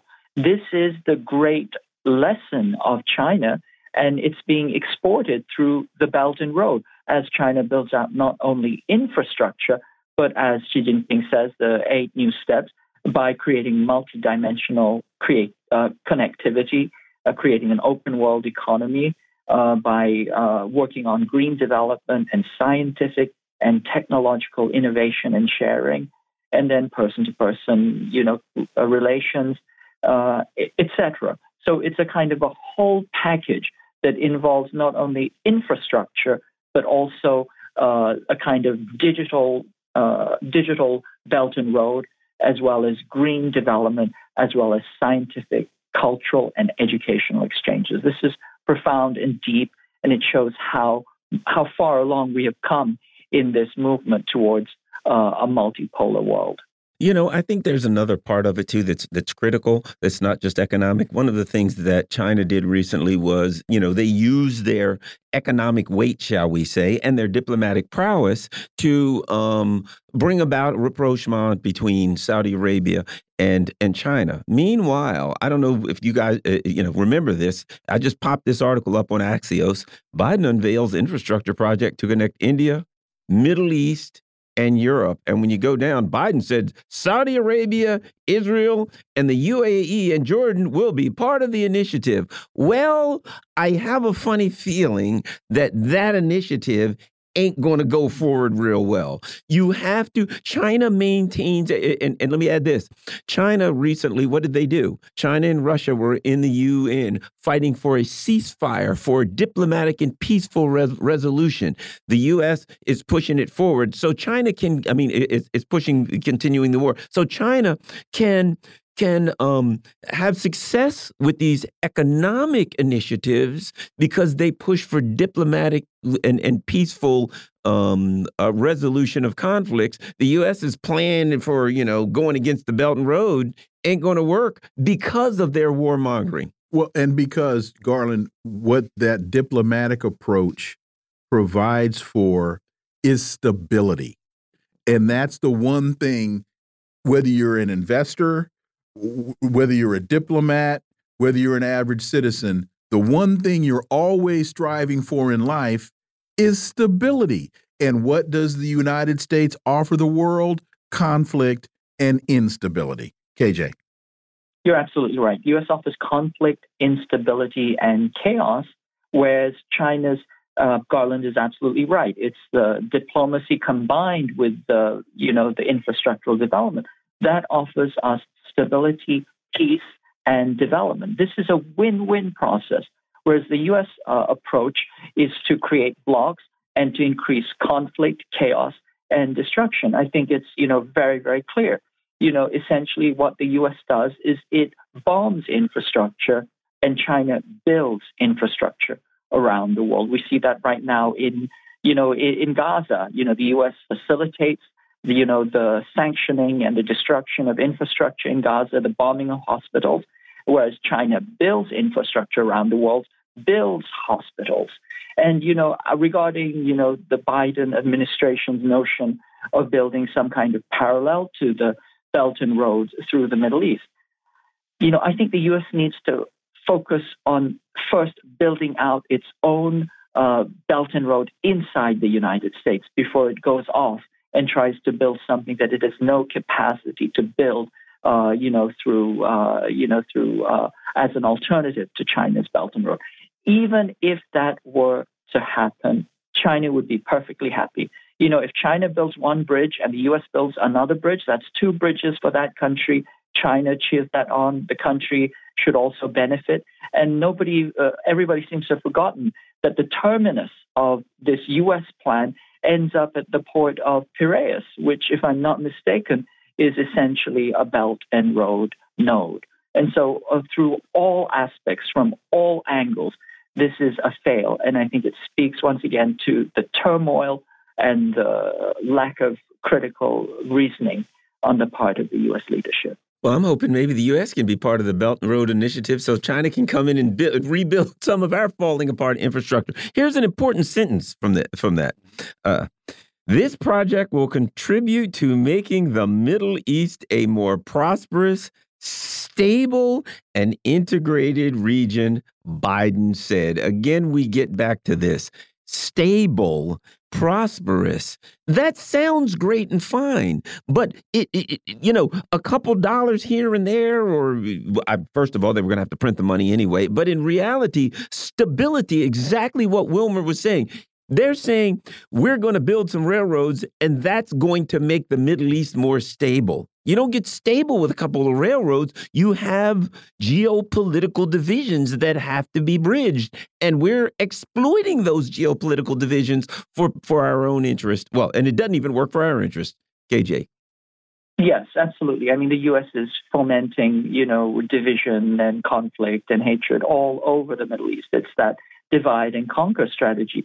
So all of a sudden, it's going to do an about face and bring all these countries together the way that China has done not just for decades, but for millennia. It's going to turn around and do something completely different.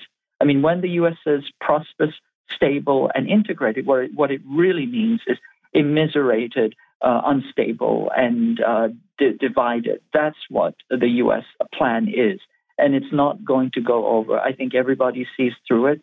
And once again, as I said, you know, if the U.S. finally sees the light and decides that it is going to compete with the belt on Belt and Road, bully for them because that means that there will be multiple belt, belts and roads, and all of that is to the benefit of not only the world but uh, also for China's vision of the world. The U.S. does not want that. It wants a divided uh, imperium where it is at the top and all the vassals are simply funneling uh, uh profit rent up to the top, and that's that's a very, very different mindset. This financialized uh, rentier economy is very different from a constructive, win win, productive economy that China envisions for the world. And, and that takes me back to a conversation that we've had on the show a number of times about, for example, of 5G technology and how China asked the United States to work cooperatively with China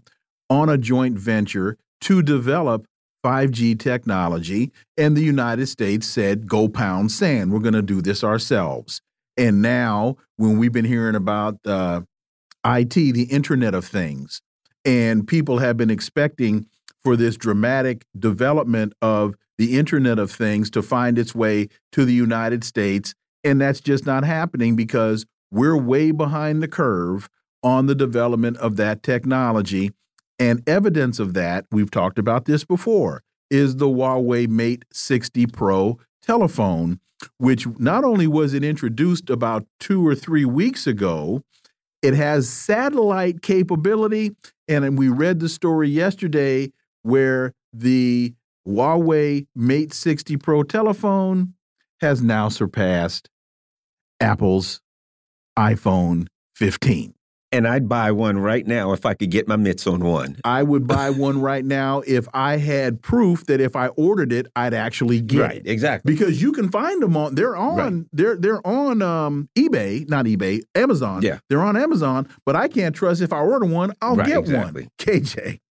Yes, I would buy one too. In fact, I've been looking for one. But anyway, I think you're absolutely right. I mean, it is absolutely cutting edge, and it built that phone under extreme sanctions, not simply of chips and uh, you know uh, the platform, but even enterprise software. Uh, it was a complete and total, uh, you know, ban. It was a medieval siege on the company, and the and and Huawei simply broke through it, which is simply indicative of China's high tech engineering prowess, and also the fact that Huawei uh, happens to be, uh, you know, a worker owned company. I think that's also a factor as well.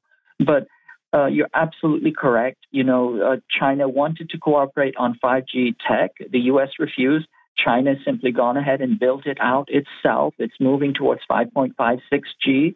And in the meantime, the U.S. calls it 5G, but it isn't really. I mean, simply nothing that is technological seems to be working in the United States anymore. Every time I turn on my computer, and you know, to the bane of my life, I turn on Microsoft Windows. Uh, it crashes. You know, every every time I'm working on an important project or a paper, it simply crashes.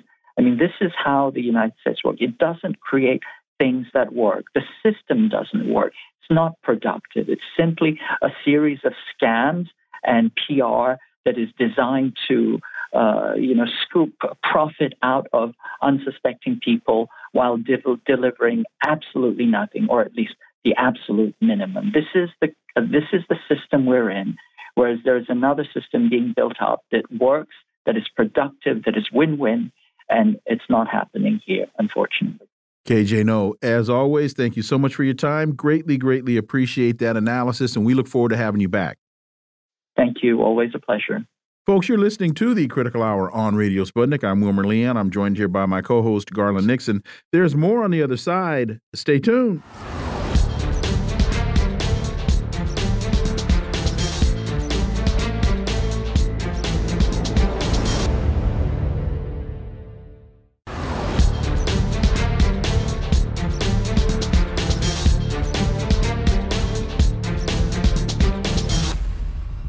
We are back, and you're listening to the Critical Hour on Radio Sputnik. I'm Wilmer Leon, joined here by my co host, Garland Nixon. Thank you, Wilmer. The Washington Post reports Biden announces Gaza aid deal. Israel, quote, not responsible, end quote, for hospital strike, according to the U.S. British Prime Minister Rishi Sunak arrived in Israel today, the latest Western leader to visit the country. During a news conference in Jerusalem with Netanyahu, Sunak said he was shocked by the destruction wrought by the conflict so far, including the blast at Gaza City's Al Ahli Hospital. For insight into this, let's turn to our next guest. He's an award winning broadcaster and journalist based in Beirut, Lebanon, Laith Marouf. As always, Laith, welcome back. Thank you for having me. So, President Biden, who visited Israel yesterday, said the strike appeared to come from an errant rocket fired by a terrorist group in Gaza, echoing the Israel Defense Forces stance. Laith, a couple of things to that point. One, I found it very interesting that for the most part, as soon as the story was reported about the hospital blast, most mainstream media went with the story that the rocket was fired by Israel. Normally, they wouldn't do that. The other thing is, from what we were reading, experts that understand uh, explosive power and missiles said that the devastation was so great that there's no way that that rocket could have been a domestic Gaza fired munition because they don't have anything that powerful. With that all being said, we surely do not want to contradict the story told by the Israel Defense Forces, Laith Marouf. Yeah, I mean, like just a few hours ago, uh, UN uh, inspectors uh, said that it's Israeli missile. of course, we have camera angles filming the thing from multiple directions. Uh, it's clear that it was a large missile. Um, and of course, Israel had already attacked multiple hospitals, uh, not this uh, severely over the last 10 days. And they've attacked hospitals many times in Gaza over the last uh, 10 years in the multiple wars that uh, developed since uh, 2008. So, this is something very usual uh, for the Israelis.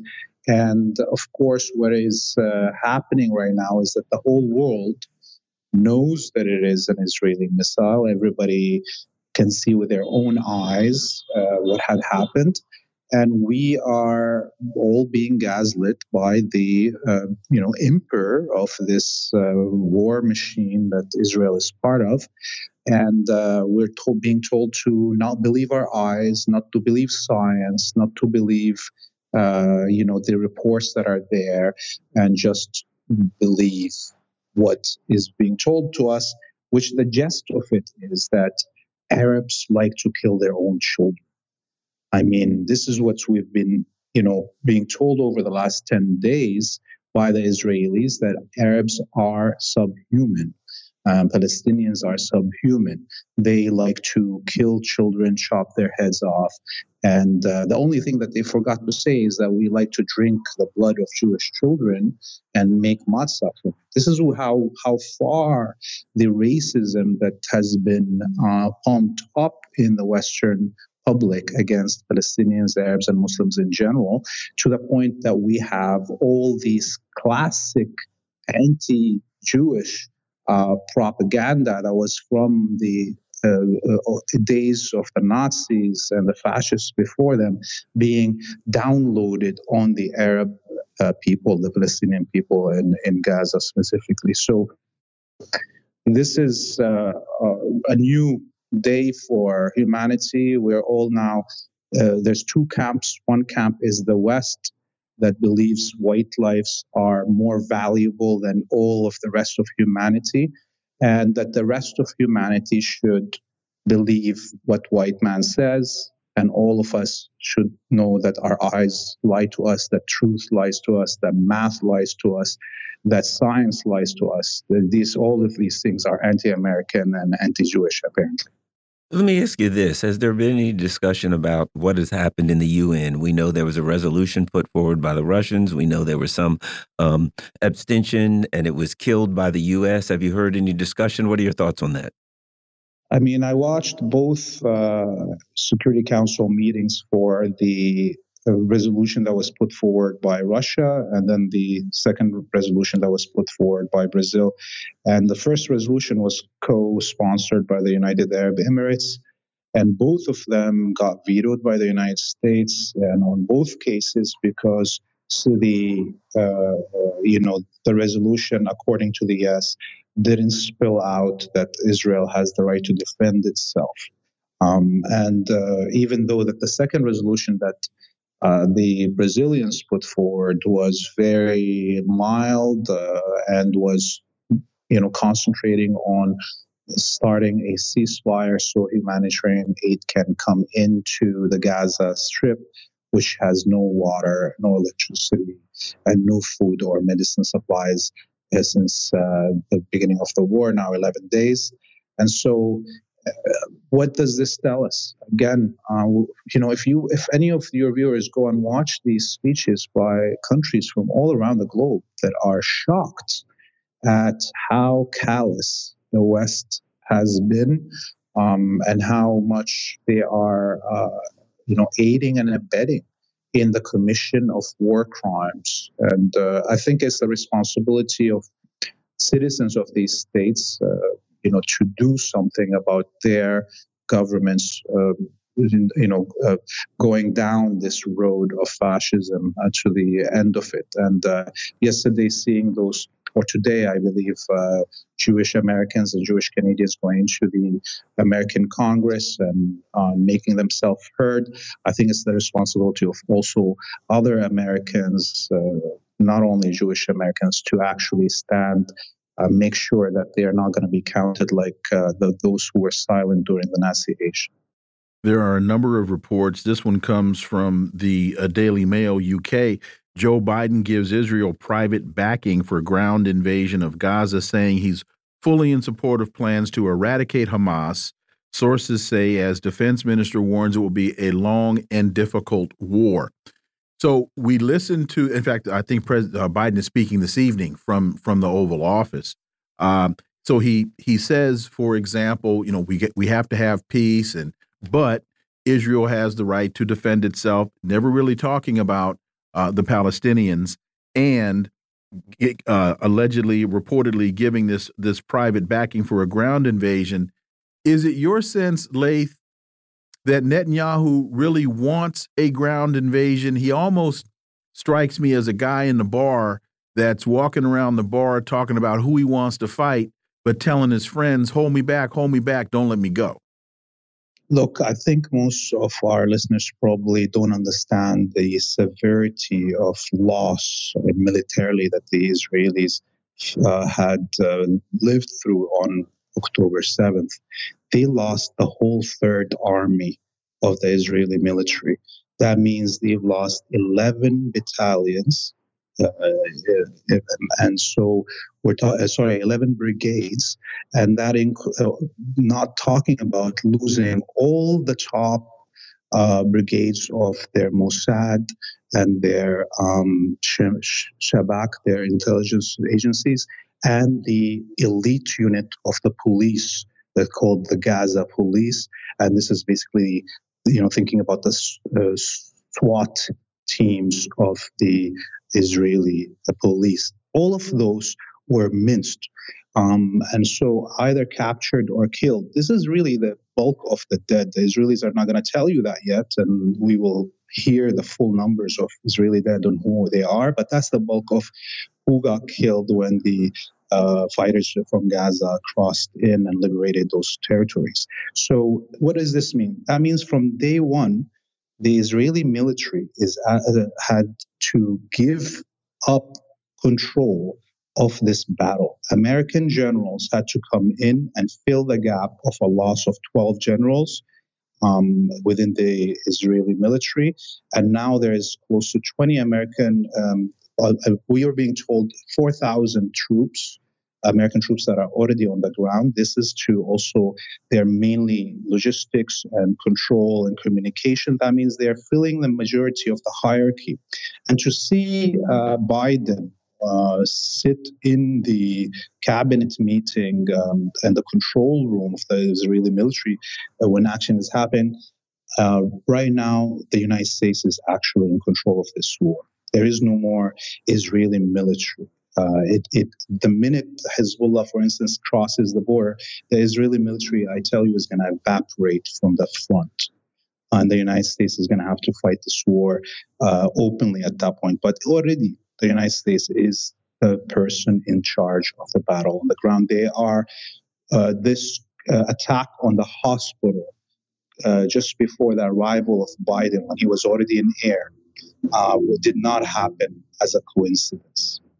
Let me ask you this: um, We're seeing um, uh, instances instances of drone attacks on U.S. bases. The Iraqi militias are saying they're prepared to target U.S. bases. There's great concern here particularly in this room, of this thing um, spreading. We, we got about a minute and a half, two minutes. Your thoughts on that?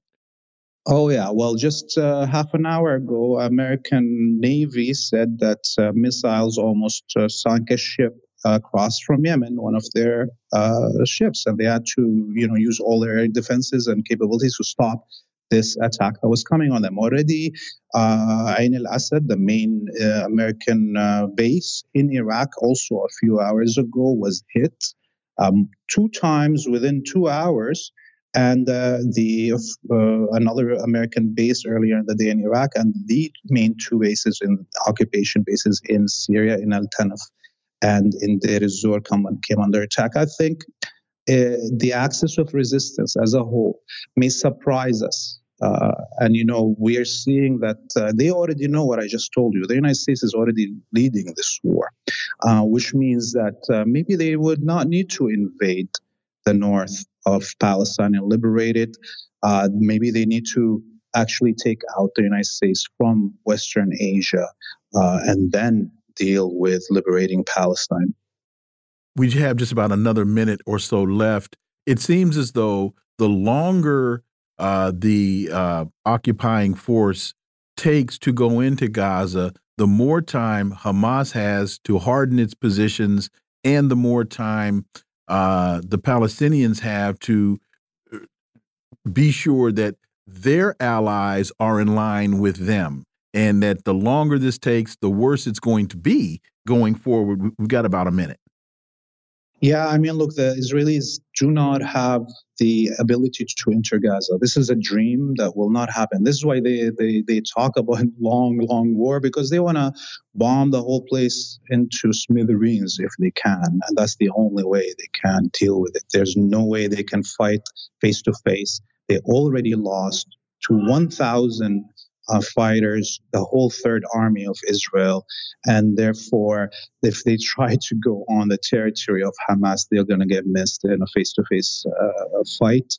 Um, Israel is already defeated. The United States is now trying to save this colony from total collapse and with it save the imperial order. Uh, the United States is going all the way because it's not there to defend Israel, it's defending itself its place as a hegemon, which is going to be wiped out with this colony when it collapses.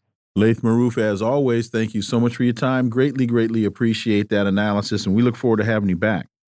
You're listening to the Critical Hour on Radio Sputnik. I'm Wilmer Leon. I'm joined here by my co host, Garland Nixon. There's more on the other side. Stay tuned.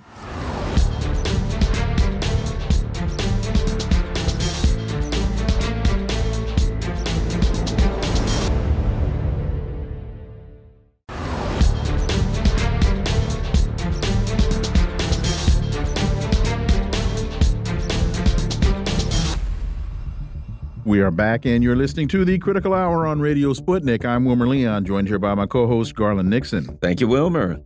Fox News reports Biden scoffs at concerns supporting two international wars. We're the U.S., for God's sake. President Biden vehemently insisted that the U.S. can handle supporting both Ukraine and Israel in their ongoing wars during an interview on 60 Minutes. For insight into this, we turn to our next guest. He's a Moscow based international relations and security analyst, Mark Sleboda. As always, Mark, welcome back. Dr. Leon Garland, thanks for having me. It's always an honor and a pleasure to be on the critical hour. So Biden says, I'm sorry, Scott Pelley asked Biden, are the wars in Israel and Ukraine more than the United States can take on at the same time? Biden said, We're the United States of America, for God's sake. Uh, Mark, if where they going where are they going to get the artillery shells from? Uh, let, I mean, let's just start there. Yeah. Uh, even though uh, Secretary, I'm sorry, Treasury Secretary Janet Yellen said either yesterday or the day before that the United States can afford two wars, which I think she needs to probably balance her checkbook. But help me out, Mark Sleboda. Yeah. Okay. So, um, I mean, uh, Biden's statements are what they are. I mean, the man is 80 years old and he's seeing beheaded babies where no one else has. So, uh, you know, we have to take his words with a grain of salt. As for Janet Yellen, I mean, sure, the U.S. can afford two wars. I mean, it's already thirty trillion dollars in debt. What's another five hundred billion on top of that, right? I mean, money printer go burr. So, I mean, technically, the U.S can afford as much as they can afford anything, meaning on on debt of future U.S. taxpayers.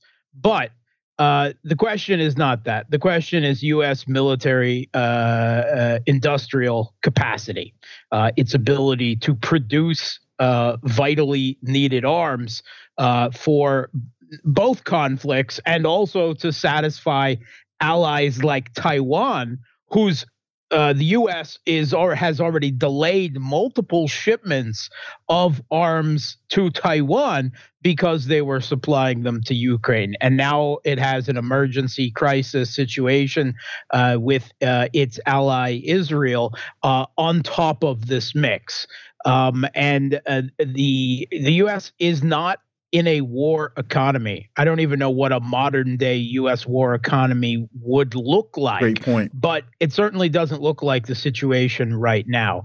And I I would simply explain things very slowly and in small words to Joe Biden using some of the headlines uh, uh, in in Western media. Uh, breaking defense uh, U.S. Air Force general says U.S. and NATO weapon stockpiles dangerously low. CNN, U.S. is running low on some weapons and ammunition to transfer to Ukraine. Uh, Wall Street Journal, U.S. struggles to replenish munition stockpiles as war drags on. Uh, national defense, the precarious state of U.S. defense stockpiles.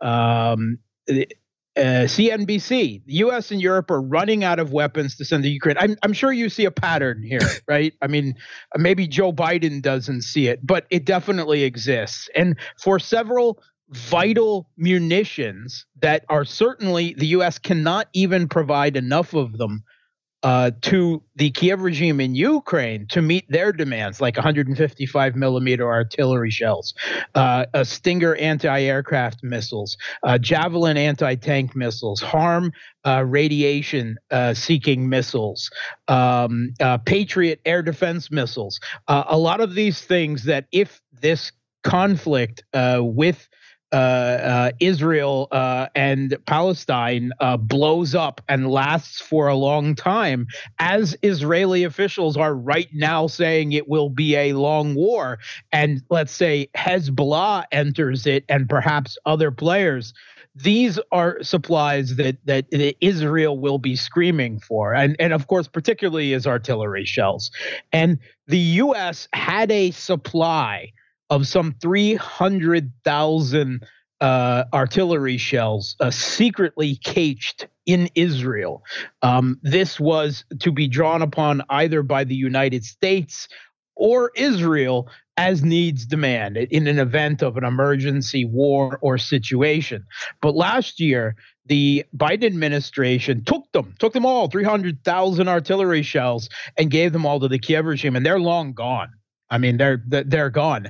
And lo and behold, this year we have an emergency situation, and particularly if Hezbollah opens up a second front in the in uh, in the north of Israel, then Israel could have really used those artillery shells. And we've already heard several months ago from Biden that he was providing cluster munitions in a 155 millimeter artillery shell jacket to the Kiev regime. Why?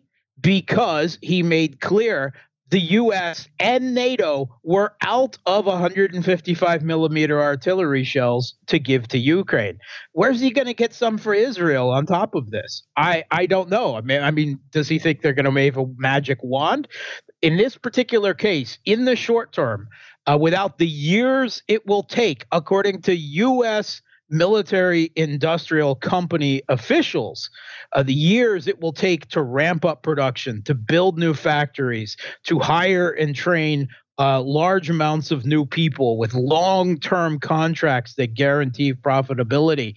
The U.S. cannot even supply Ukraine what it needs, much less Ukraine and Taiwan, much less Ukraine and Taiwan and Israel. So um, uh, this is just false it is false uh, on on multiple vital types of munitions and military supplies. First of all, this is just the U.S. using intel to fight an info war with Russia. Because, yeah. So that none of that's true. And if if Israel is a Amazon Prime member, they can get 155 millimeter shells delivered in two days to their doorstep if they're Amazon Prime members. I never thought of that's about their only option that's right now, to be frank. You, you, know, I'm not a particular Bez Bezos to the rescue. Yeah, right? As always, I'm not a particular religious or non-religious man, but my mother was, and I recall. I looked this up. I recall a particular scripture that she used to recite, and mm -hmm. it mm-hmm. says, Pride goes before, destruction, a haughty spirit before a fall. And another quote that she used to say Pride is the devil's dragnet in which he takes more fish than any other, except procrastination. The bottom line is this there, yes, we're tough, we're bad, we can fight. Are you kidding? Two, three, four, we can fight. Bring the aliens too, we'll fight them. All that sounds good. But if for some reason this thing kicks off, and of course the Kiev regime's going to be calling, hey, uh, things are going bad. I get a feeling that the people who aren't going to get their phone answered are the ones in, that are uh, walking Kiev. around, that, that are uh, uh, sieg heiling and goose stepping around Kiev, Mark. Aren't there some American politicians that want to invade Mexico too? For some reason, yes. Lindsey Graham. Lindsey Graham I mean, wants to invade well, Mexico. And why wouldn't you? Yeah. Mark, is there any country that Lindsey Graham doesn't want to invade? No, he even wants to invade Cleveland. Yeah, exactly. Yeah. The moon, maybe. uh, that's a good idea. Yeah, yeah, he hasn't thought there. of it yet. China's, Space Force. China's there. Space Force. He wants to invade the moon. Mark. Yeah. Um, so I, I don't know where the U.S. is going to go with this, and and right now, um, according to uh, New York Times, uh, uh, fearing escalation so Biden is fearing, the U.S. government is feeding. Biden seeks to deter Iran and Hezbollah. That's why they've parked two U.S. Car- aircraft carriers off of the Israeli coast. Uh, one wasn't, according to the article, uh, uh, uh, anonymous uh, officials said that one wasn't getting the response from Iran that the U.S. wanted, so they parked another one.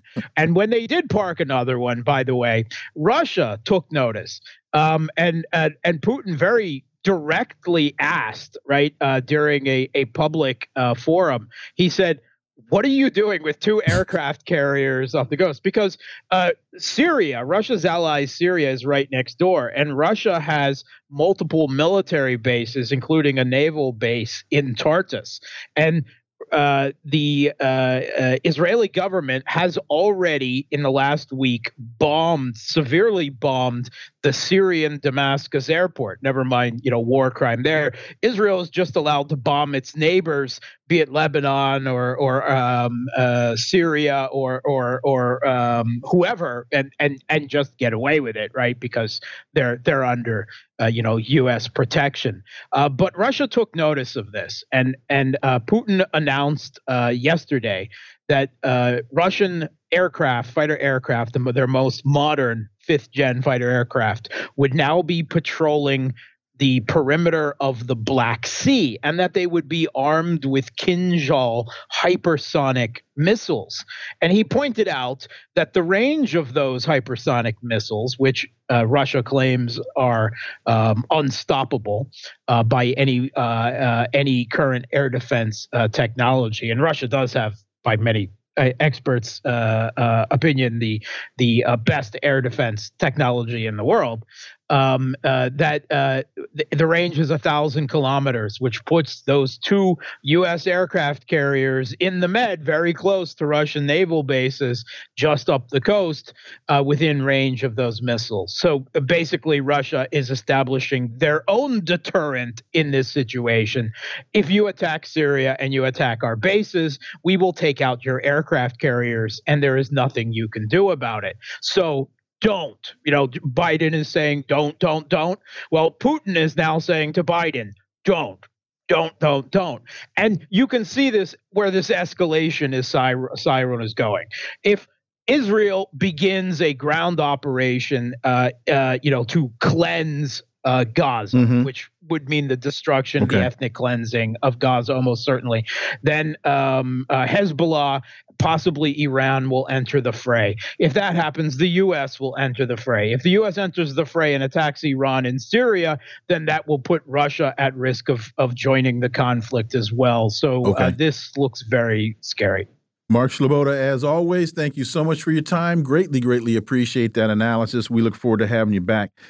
Folks, you've been listening to the Critical Hour here on Radio Sputnik. Thank you for allowing our voices into your space. On behalf of myself and my co host, Garland Nixon, we hope you were informed and enlightened. And we look forward to talking with you all right here tomorrow on Radio Sputnik. Be safe. Peace and blessings. We're out.